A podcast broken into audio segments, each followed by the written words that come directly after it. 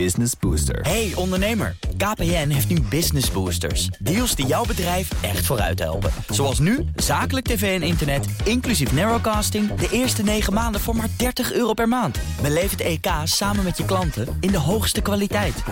Kijk op kpn.com slash businessbooster. Business Booster. Met het Concept Centraal Economisch Plan. Dat en meer bespreek ik in het economenpanel bestaande uit Esther Barendrecht, hoofd van Rabo Research Nederland, Arnold Boot, hoogleraar ondernemingsfinanciering en financiële markten aan de Universiteit van Amsterdam, en Valentijn van Nieuwenhuizen, Chief Investment Officer bij NN Investment Partners. Mijn zakenpartner is Katja Berghout, oprichter van Empowering Innovators, actief als dagvoorzitter Startup en Innovatie-expert. Welkom iedereen. Valentijn, voor jou in het bijzonder, want jij bent bezig om je af te leren handen te geven.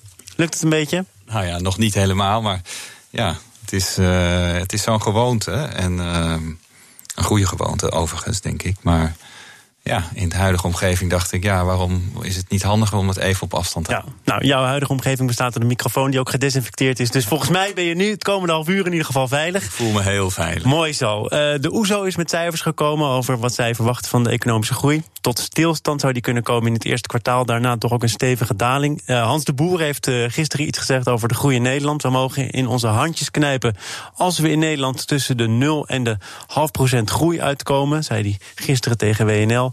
En uh, hij had een hele trits aan kwalen waar het uh, bedrijfsleven, de economie onder zou kunnen leiden. Brexit, stikstof, maar toch ook zeker corona. Esther, ben jij net zo pessimistisch? Nou, ik ben niet super optimistisch op dit moment. Ik denk inderdaad dat er een hele reeks aan factoren uh, is die allemaal een beetje dezelfde kant op wijzen. Um, en ja, en corona is daar wel de meest onzekere van natuurlijk op dit moment. Omdat je daar ja, ook heel erg afhankelijk bent van hoe de gezondheidssituatie zich ontwikkelt. Is, is er een morele afweging te maken tussen enerzijds dat virus willen indammen, proberen te beperken, en anderzijds toch ook proberen om de economie draaiende te houden? Of kan nou, dat eigenlijk niet? Volgens mij uh, volksgezondheid eerst lijkt me een hele gezonde houding. Ja, dat is makkelijk. De vraag is alleen of uh, ja, in hoeverre je het meest effectief bent door de economie hele grote blokkades op te gaan werpen. Volgens mij is dat een beetje de, de kunst die je met elkaar moet uh, proberen. Als je, als je als je puur door de angst uh, geen, mensen geen handen meer gaat geven. Ja, nee, maar wacht even. Ik, de, de, vraag komt eruit voort dat ik mensen heb gesproken, ook vorige week al, die zeiden: Nou, voor een uh, stevig uitgevallen verkoudheid worden er wel heel draconische maatregelen getroffen ja. door verschillende overheden en bedrijven. We moeten het allemaal wel in perspectief plaatsen. Met andere woorden, laat de economie ook gewoon draaien. Laten wij met elkaar blijven draaien. Nou ja, dus ik denk dat daar wel wat voor te zeggen is. Daarom zeg ik, het, het, het is, je moet een balans vinden. En ik vraag me ook af. Uh, ik weet niet precies welke draconische maatregelen je naar refereert. Maar nou, er zijn natuurlijk gewoon landen, het... dorpen in Italië bijvoorbeeld, die ja. zijn afgesloten. Fabrieken ja. die helemaal niet meer open gaan. Of winkels, nu in Nederland. De, de ja. Nike-winkel in Hilversum gaat niet meer ja, het open. hoofdkantoor voor Europa. Hoofdkantoor, oh, pardon. Correctie, hoofdkantoor Europa. ja. Ja, dat, dat, zijn toch serieuze maatregelen? Ja, absoluut. absoluut. Kijk, uh, kijk, er zijn bepaalde dingen. Als je angst laat regeren. Ja, dan moet je gewoon even doordenken wat dat betekent. Angst laten regeren betekent dat wij niet meer gaan consumeren. Hè? Uh, weinig gaan consumeren, want we gaan sparen. Uh, want tegelijkertijd gaan de beurzen omlaag. Uh, dus iedereen gaat, gaat voor de toekomst sparen. Als iedereen voor de toekomst gaat sparen, dan duikt de economie omlaag. En daar op zichzelf is nog niemand mee gewonnen. Hè? Dat is alleen het angst. Hè? Dat is alleen nog de angst. Hè? Dus dan hebben we nog niet eens over het sluiten van bedrijven. Nee, we hebben het puur de angst van mensen. Niet consumeren. Ja. de economie gaat omlaag. En consumptie is het belangrijkste item in nationaal inkomen. Dus, dus, dus als dat kanaal uh, echt gaat spelen, dan versterkt dat al die andere kanalen die we al hebben. Dus, uh, dus ik ben er sterk voor om die angst uh, in ieder geval trachten te rationaliseren. ja, het is, het, het, het is een hele zware griepsoort. Ja, dat is het, een hele zware griepsoort. Dus laten we voorzorgsmaatregelen nemen, absoluut. Maar we kunnen de economie niet op slot plaatsen. Of de samenleving. Maar zou je dat zie je op dit moment ook niet Esther. gebeuren in Nederland, hè? Nee, Nederland dus niet. Nee, Nog maar, niet. nee, maar dus dat is wel denk ik een, goed om te signaleren. Op dit moment hebben we natuurlijk wel een gezondheidsuitdaging in Nederland. Uh, waar de he, overheid, wat mij opvalt, is dat er overigens heel erg consistent wordt gecommuniceerd over wat, he, wat mensen aan uh, handelingen moeten doen en zo. Maar op dit moment neemt de overheid maatregelen die nog niet economisch ontwrichtend zijn. Ja, het kan ook zelfs iets stimulerend zijn, want thuiswerken, wat natuurlijk in een land als Nederland met een hele goede digitale infrastructuur, thuiswerken kan, kan, als we dat effectief kunnen vormgeven, kan onder normale omstandigheden ook grote voordelen hebben. Kijk naar de congestie op het, op het spoor en, en op de wegen. Dus, de, dus zekere zin zijn, en dat is misschien een beetje het lugubere van deze situatie. Eh, af en toe heb je schokken nodig, ook om ons gedrag te veranderen.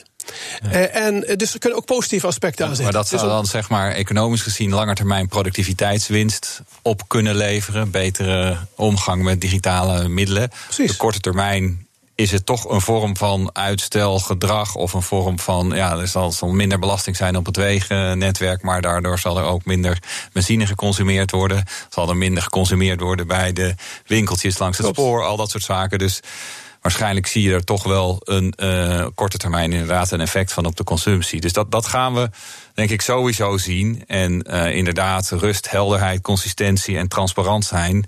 Dat zijn denk ik allemaal belangrijkere middelen dan eh, enorme blokkades en paniekerige.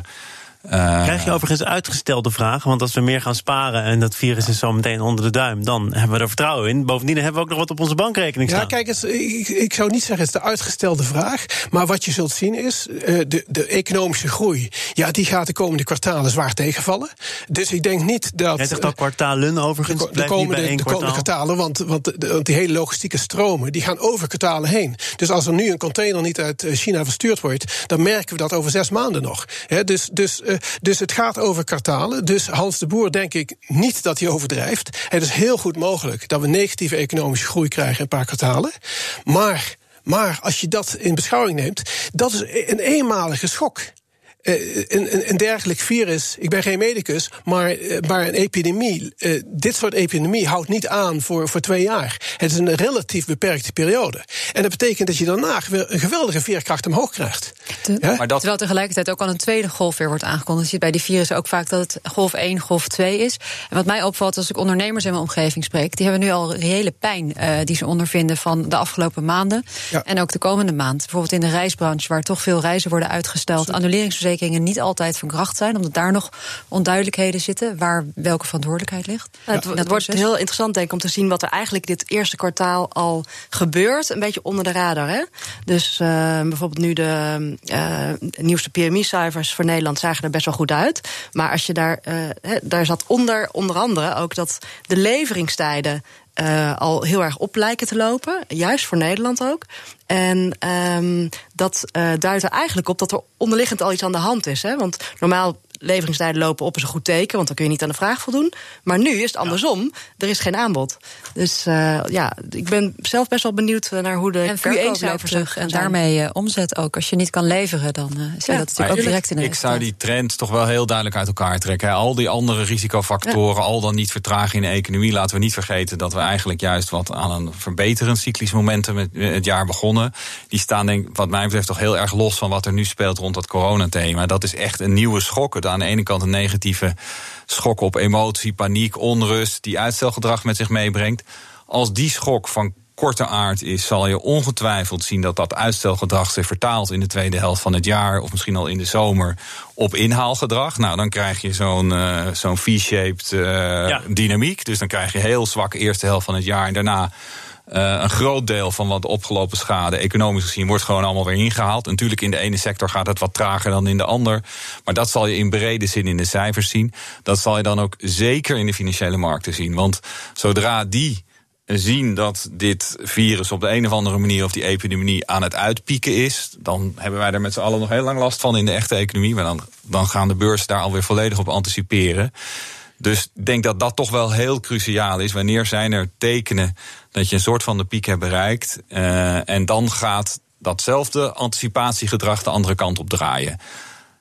Als dat nog een paar maanden op zich laat wachten, ja, dan wordt het een stuk moeilijker en dan wordt misschien uitstel wel afstel. En dan denk ik dat je, ja, mm, dan heb ik niet over één of twee kwartalen een keer tegenvallende groei, maar dat je misschien langduriger echt in een vertragende economie terecht zou kunnen komen. Maar dan moet het echt nog wel langer duren dan de meeste specialisten nu zeggen over de ontwikkeling van zo'n virus. Die centrale banken overigens, die hebben de een wat steviger dan de ander gezegd... we komen met passende maatregelen. Als het mogelijk is, dan treden we op. De Fed heeft dat gedaan en je zag vandaag de koers al een klein beetje oplopen. Even. Ja, precies. Even. Even. Even. Is dat dan ook het effect? Nou, En kijk, dan hebt het weer weg? Het is niet het effect van die maatregel, maar dat er, dat er vanochtend heel even een, een, een opleving op de beurs was. Ja, dat is dan een soort euforie die er opeens is. Hè, dat, dat schijnbaar men ontdekt heeft dat de beleidsmakers toch nog wakker zijn. En vervolgens ontdekt men natuurlijk dat het onderliggende probleem niet verdwenen is. Hè, en dat de komende, komende maanden dit virus grote invloed gaat hebben. Waarom zou, waarom zou een centrale bank zich dan überhaupt hiermee bemoeien? Want de oplossing ligt helemaal niet in hun handen. Ja, wel, gedeeltelijk wel. wel want uh, niet de oplossing van het virus, maar als financiële instellingen het financieel systeem in de problemen komt. En dat kan natuurlijk. Het kan door het type uitzettingen die banken bijvoorbeeld hebben. Of dat banken elkaar onderling niet meer vertrouwen. Of voor een of andere reden. Eh, in periodes met onzekerheden is ten ene malen in financiële markten waar dat uitvergroot wordt. Ja. En die onzekerheid, daarvoor heb je de centrale bank. Dat is de centrale bank onder die omstandigheden, hoe dan ook liquiditeit, eh, heet dat dan, aan het systeem geeft. Daarom hebben we centrale banken. Dat, en daar, daar ben ik het mee eens. En daarom is het niet vreemd dat welke negatieve schok er ook is, dat een centrale bankier op een gegeven moment zegt: hé, hey, ik moet hierop reageren. Ik moet zorgen dat er continuïteit is in verstrekking van liquiditeit, in, in de stabiliteit van, van de markten in zijn algemeenheid. Probleem is nu wel dat ten opzichte van een aantal andere economische problemen, zo'n aanbodschok, die het eigenlijk is, economisch gezien, lastig effectief te bestrijden is door een centrale bank. Dus uh, je zou mogelijk nu toch ook andersoortig beleid van overheden willen zien als je het wil aanpakken. Het is gewoon sowieso een heel lastig probleem om echt direct aan te pakken met economisch beleid. Maar dat centrale bankiers op een gegeven moment reageren, dat is logisch. Je zit, oh. oh nee, ik wilde naar het andere onderwerp, maar dan wil jou meteen het woord geven. Oh. Is dat ook goed? Esther Barendrecht, Arno Boot en Valentijn van Nieuwenhuizen zijn hier de leden van het economenpanel. Katje Berghout is mijn zakenpartner. Ik wil het met jou hebben, Esther, over het concept Centraal Economisch Plan. De raming voor de Nederlandse economie voor dit jaar en het komend jaar. Op een pikant moment zou ik dan willen zeggen, heeft dat nog wel zin? Ja, ze moeten wel, hè? Ja, dat is een beetje met dit soort uh, die ramingen, die gaan volgens een bepaalde hartslag. En uh, ja, dus uh, het CPB komt er niet onderuit om uh, toch iets te leveren. Maar ik denk dat ze daar ook best wel even hiermee worstelen. En nou, bij, bij Rabobank maken we ook beramingen en wij worstelen er ook mee. En ja, corona is denk ik de, de, de grote factor waar iedereen als eerste naar kijkt. Maar er zijn er ook nog wel een paar meer die interessant zijn. Ja, wat kun je even uitleggen wat er morgen dan wordt gepresenteerd. Wat komt er naar buiten? Ja, eigenlijk de, gewoon de economische vooruitzichten inderdaad voor dit jaar en volgend jaar. En dat wordt natuurlijk ook onderbouwd. Hè. Dus uh, het, zijn, uh, um, het is eigenlijk een. Uh, ja, er komt eigenlijk een cijfertabel met wat, met wat nadere informatie hoe het CPB tot deze inschatting komt. Ja, en dan gaat het met name over of niet met name, maar ook over wat doet de overheid. Ja. Jaagt de overheid aan eh, investeringen? Ik meen me van vorig jaar te herinneren dat de overheid het geld niet eens op kon krijgen. Precies, ja. Nee, dus eh, als je vraagt van wat nou, hè, waar, waar eh, kijken wij nu naar met interesse, dan zou inderdaad de overheidsbestedingen zou eentje zijn die, die ik zeker met interesse zal kijken, zal volgen. Want um, nou, als je kijkt naar de laatste voorspelling van het CPB, dan zag je dat eigenlijk de groei voor dit jaar ook best wel, die hing natuurlijk ook heel erg op de binnenlandse bestedingen. Van de buitenwereld moeten we het niet zo hebben op dit moment. Um, en dan is het belangrijk, wat doen consumenten? Nou, daar staan op zich, even corona afgezien, best veel seinen op groen. Hè, want de arbeidsmarkt is heel positief, uh, lonen gaan stijgen, inflatie loopt er een beetje uit. Nou, daar, daar, dus dat zijn allemaal factoren waardoor je denkt van de consumenten zullen dit jaar best, uh, best uh, ja, wel wat uit kunnen geven. Ja, en daar zat, zat ook best een flinke uh, impuls vanuit de overheidsbestedingen ja, in de ramingen tot zover. Maar inderdaad, uh, ja, de regering heeft het gewoon moeilijk met met de geplande gelden uit te geven. Ik heb, ik, ik heb wel een beetje te doen met de mensen bij het CVB die hard gewerkt hebben aan deze ramingen. En die nu op dit moment daarmee naar buiten moeten. Zullen ze natuurlijk heel netjes nuanceren dat er veel onzekerheid is en meer dan gebruikelijk. En dat is ook het enige wat je zo'n beetje kunt doen. Maar, maar vader, ik, ik ben wel verrast eigenlijk. Ik heb vandaag op het Centraal Planbureau site gekeken. Ja. Ik had van het Centraal Planbureau verwacht uh, dat, men, uh, dat men informatief uh, A4'tje had twee A4's had met inschattingen van wat bepaalde scenario's zouden kunnen betekenen voor de economie. Gewoon heel ruw. We komen nog met nadere studies. Want dat is hetgeen waar iedereen op zit te wachten. Dus uh, dat, dat, dat, uh, dat, dat, de vooruitloop van centraal uh, economisch plan, of hoe je dat ding ook noemt, dat is natuurlijk totaal oninteressant. Want, dat, want, want het model zelf is gebaseerd op stabiele omstandigheden. Nou, die stabiele omstandigheden die hebben we nou net niet. Dus het enige interessante aan morgen is of men met een soort gevoeligheidsanalyse komt waar we laten zien, als de wereldhandel met 5% terugvalt, dan valt onze relevante wereldhandel misschien met 7% terug. En wij zijn, die sectoren zijn gevoelig. Dus dit zou het gevolg kunnen zijn van een 5% inzakken. Dit zou het gevolg kunnen zijn van dit. Daar zijn mensen naar op zoek. Het idee dat we. kun je gewoon weggooien. Kun je weggooien, want een model werkt alleen onder normale omstandigheden. Dus alles wat interessant zit in die uitkomsten, dat zijn handmatige aanpassingen van het model. En hebben we dan nog een andere abnormale Wacht omstandigheid? Esther, want ik, ja, ik vind het nee, ik ben het, nee, nee, maar ik ben, ik, ik, ben het met je eens. Het is nu eigenlijk, je kunt nu eigenlijk alleen maar in scenario's denken. Dat ben ik met je eens. Alleen uh, wat je natuurlijk wel hebt, is dat een overheid ook een bepaalde begrotingscyclus heeft. En daar hebben ze toch een soort van uh, momenten in het jaar nodig. Dat ze ook kunnen kijken van, goh, um, loopt dit nog een beetje volgens hoe we het verwacht hadden? Wat betekent het voor de begroting? En dat is natuurlijk de reden dat ze niet alleen maar met scenario's komen, maar ook met iets als een, ja, als een Ja, maar de realiteit van die boodschap is natuurlijk wel wat Arjan Zeker, zeker. Zegt, nee, maar dat, uiteindelijk ook voor die overheid zijn er alleen maar die drie scenario's. En dat zie je natuurlijk ook nu wel veel gebeuren. Veel economische bureaus van, van, van partijen in de markt ook geven nu dit een aantal scenario's. Voor een groot deel afhankelijk, wat ik net schetste eigenlijk. Hoe lang duurt het voordat we een beetje eh, de, de piek hebben bereikt in de wereldwijde verspreiding? Heeft de OESO vandaag trouwens ook gedaan. Hè? Er wordt nu gecommuniceerd van 2,9 naar 2,4 maar, zeggen ze. Als het virus zich verder verspreidt. Gaan we naar anderhalf. Gaan we naar anderhalf. Ja, ja absoluut. Katja. Ja, ik was benieuwd of er nog eer te behalen is aan een brexit-scenario in die, in die ramingen. Want het gaat natuurlijk veel over corona. Uh, maar een andere on, onzekere omstandigheid is volgens mij hoe de brexit uh, zich gaat vertalen. Ja, kijk, het Centraal Planbureau heeft er aan eerdere instantie al een paar keer iets over gepubliceerd. En het inter interessante is, want brexit is vergeleken met corona natuurlijk een non-event. Uh, het interessante aan, aan, aan, aan events als brexit is, voor Europa heeft het natuurlijk uiteindelijk helemaal niet zoveel gevolgen. Het is natuurlijk niet goed voor Nederland, hè, want Engeland was een belangrijke, of Groot-Brittannië een belangrijke belangrijke handelspartner. Maar dat past zich eigenlijk altijd wel aan. Zelfs een hele ruwe exit, daar passen we ons aan. Dus, dus daar heb ik eigenlijk altijd wel kritiek op het Centraal Planbureau. Want dan gaan ze dat doorrekenen, het Brexit-scenario. En dan komt men op gevolgen voor de economische groei uit van, ik noem maar iets, 0,6 procent. Uh, terwijl in realiteit past alles zich aan. Want hier kun je je aan aanpassen.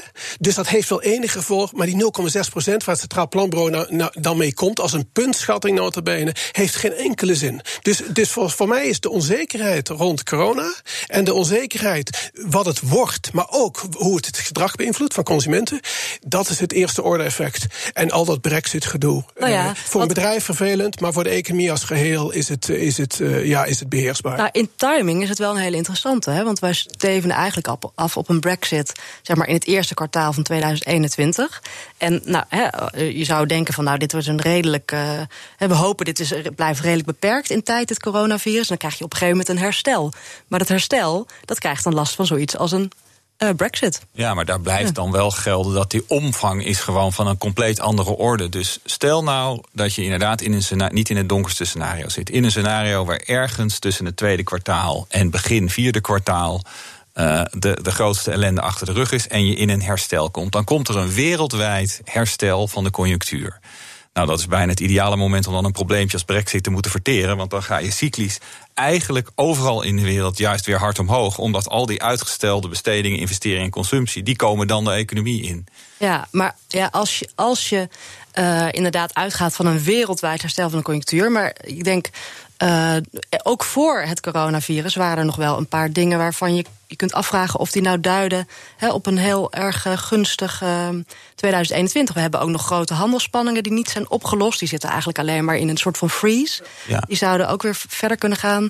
We hebben een Amerikaanse economie die het einde van zijn conjunctuurcyclus heeft geëindigd. Dus zo zijn er denk ik meer factoren die uh, dat optimistische beeld een beetje onder. Uh... Nou, ik ben het daar wel mee eens. Maar daarom zei ik eerder al: ik denk dat je ze echt heel erg uit elkaar moet trekken. Dit is een, een, een echt een hele losstaande schok die de komende maanden alles domineert. En uh, die zal nu voor een vertraging in de economie zorgen. En als dat probleem op de een of andere manier terug gaat lopen, dan zorgt het voor een tijdelijke herstelreactie. Onderliggend blijven die andere factoren een rol spelen. Maar ja, dat is dan, in mijn gevoel, zegt dat meer wat, wat je gemiddeld voor de komende twee, drie jaar aan groei kunt verwachten.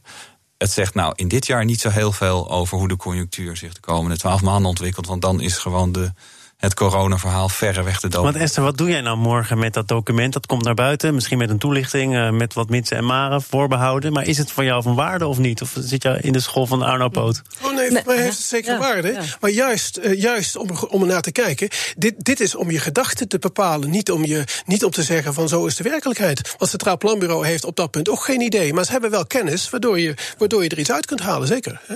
Dus dat geldt dan ook voor jou. Jij haalt er wel wat uit. Want ik zou zeggen, ja, als het gaat over onzekerheden, er zijn altijd onzekerheden. Wie wint de verkiezingen zometeen in Amerika? Of hoe ziet ons nieuwe kabinet eruit? Haalt het kabinet het einde van de rit?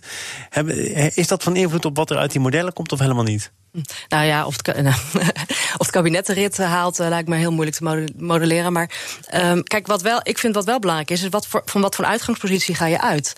Um, dus het maakt ook uit bij, bij hoe, uh, hoe dit nu. Um, uh, de impact die het heeft, is toch ook een beetje van: goh, hoeveel schok kunnen we hebben met z'n allen? Ja. En uh, ja, dus daar, daardoor is het iets wat langere termijn beeld blijft wel relevant. Maar als je, kijk, die coronavirus is onzekerheid en potentiële impact die echt groot is. Um, dus, dus, dus daar maak je zeker zorgen om. Niet op de lange termijn, wel op de korte termijn. Maar als je naar de Nederlandse economie kijkt. Laten we, laten we eerlijk zijn, de Nederlandse economie loopt verrassend goed, loopt geweldig goed. Uh, we hebben geen enkele werkloosheid, letterlijk geen enkele werkloosheid. Uh, dus dus we, hebben, we, hebben, we hebben een economische situatie, gewoon Nederland, ook qua flexibiliteit van het land. En natuurlijk kunnen er allerlei dingen beter. Ik ben altijd bereid dingen te bekritiseren. Maar, we, maar, maar, maar, maar, als land staan we er geweldig. Maar je zegt zelf verrassend, hè? Dus, dus de vraag is ook al een tijdje volgens mij, ook onder economen. Ja, maar ik bedoel met het woord verrassend, bedoel ik horende alle potentiële problemen in de wereld. Eh, de Nederlandse economie is geweldig, is ijzersterk. sterk. En daarvan kun je ook weer even terug naar de financiële crisis van 2008, 2009. We hebben het bankwezen in de soep laten lopen, de huizenmarkt in de soep laten lopen. We hebben zoveel mogelijk onzekerheid rond pensioenen gecreëerd. En de Nederlandse economie kan het allemaal makkelijk hebben. Het is, economische groei is even negatief geweest, maar weet je waarom die negatief is geweest? Omdat de consumenten onzeker werden, want hun huis was onzeker, hun pensioen was onzeker. Dus de consumptie viel twee jaar tegen, economisch economische groei viel twee jaar tegen. En voor de rest is de Nederlandse economie halleluja. Ja, toch ook een negen, net als Klaas Knot? Ja, zeker. Valentijn, kan je het hier alleen maar mee eens zijn of niet? Nou, ik ben het hier zeker grotendeels mee eens. En er zijn inderdaad altijd onzekerheden. Maar daar hebben we het elk jaar met z'n allen weer over. En of het nou Brexit is, Amerikaanse verkiezingen, die zijn weer eens in de twee of de vier jaar, hangt er vanaf welke je neemt. Uh, wat er allemaal in, met kabinetten in Europa of in Nederland gebeurt. De eurocrisis, Italië. Nou, je kent al die onderwerpen wel waar we het de afgelopen jaren hier honderd keer over hebben gehad. Ja, gelukkig maar, dan raak ik ook een keertje op de hoogte van dingen. En dan is het wel goed om je te realiseren als je, hoe je ze moet wegen ten opzichte van je economische verwachtingen. Inderdaad, dat we ondertussen, na tien jaar lang somberen, of twaalf sinds de crisis, eh, op dit punt zijn aanbeland. Met de beste loongroei, de krapste arbeidsmarkt. Uh, ja, met overheidsfinanciën. Met overheidsfinanciën inderdaad in zeer goede staat. Ja, Die dus- pensioenen zijn helaas net overboord gevallen in dit panel. Maar daar hadden we ook nog wel iets ja, maar, over kunnen maar zeggen. Maar daar zijn we natuurlijk wel ongelooflijk rijk. Hè? We hebben, we hebben gigantische pensioenpotten. Met dus- ongelooflijke verplichtingen? Maar, die, maar, andere landen hebben wel de verplichtingen, maar niet de potten. Dus kun je nagaan hoe goed wij ervoor staan. Hebben we het er toch nog even over gehad? Dankzij Arno Boot, hoogleraar ondernemingsfinanciering en financiële markten aan de Universiteit van Amsterdam. Esther Barendrecht was hier ook. Gaat morgen toch uitkijken naar die ramingen van het Centraal Planbureau. Hoofd Rabo Research in Nederland. En Valentijn van Nieuwenhuizen. Tot voor kort handelsschudder, nu niet meer. Chief Investment Officer en, en Investment Partners. Mijn zakenpartner was Katja Berghout, oprichter van Empowering Innovators. Ook actief als dagvoorzitter, start-up en innovatie-expert. Dank voor jullie komst. En over die arbeidsmarkt ga ik het morgen ook hebben met Dominique Hermans, directeur van Randstad Nederland. Zometeen eerst Nieuwsroom, dat is onze dagelijkse podcast van het FD en BNR, gepresenteerd door Mark Beekhuis. Veel plezier. Tot morgen. Business Booster. Hey ondernemer, KPN heeft nu Business Boosters. Deals die jouw bedrijf echt vooruit helpen. Zoals nu, zakelijk tv en internet, inclusief narrowcasting... de eerste 9 maanden voor maar 30 euro per maand. Beleef het EK samen met je klanten in de hoogste kwaliteit. Kijk op kpn.com businessbooster. Business Booster.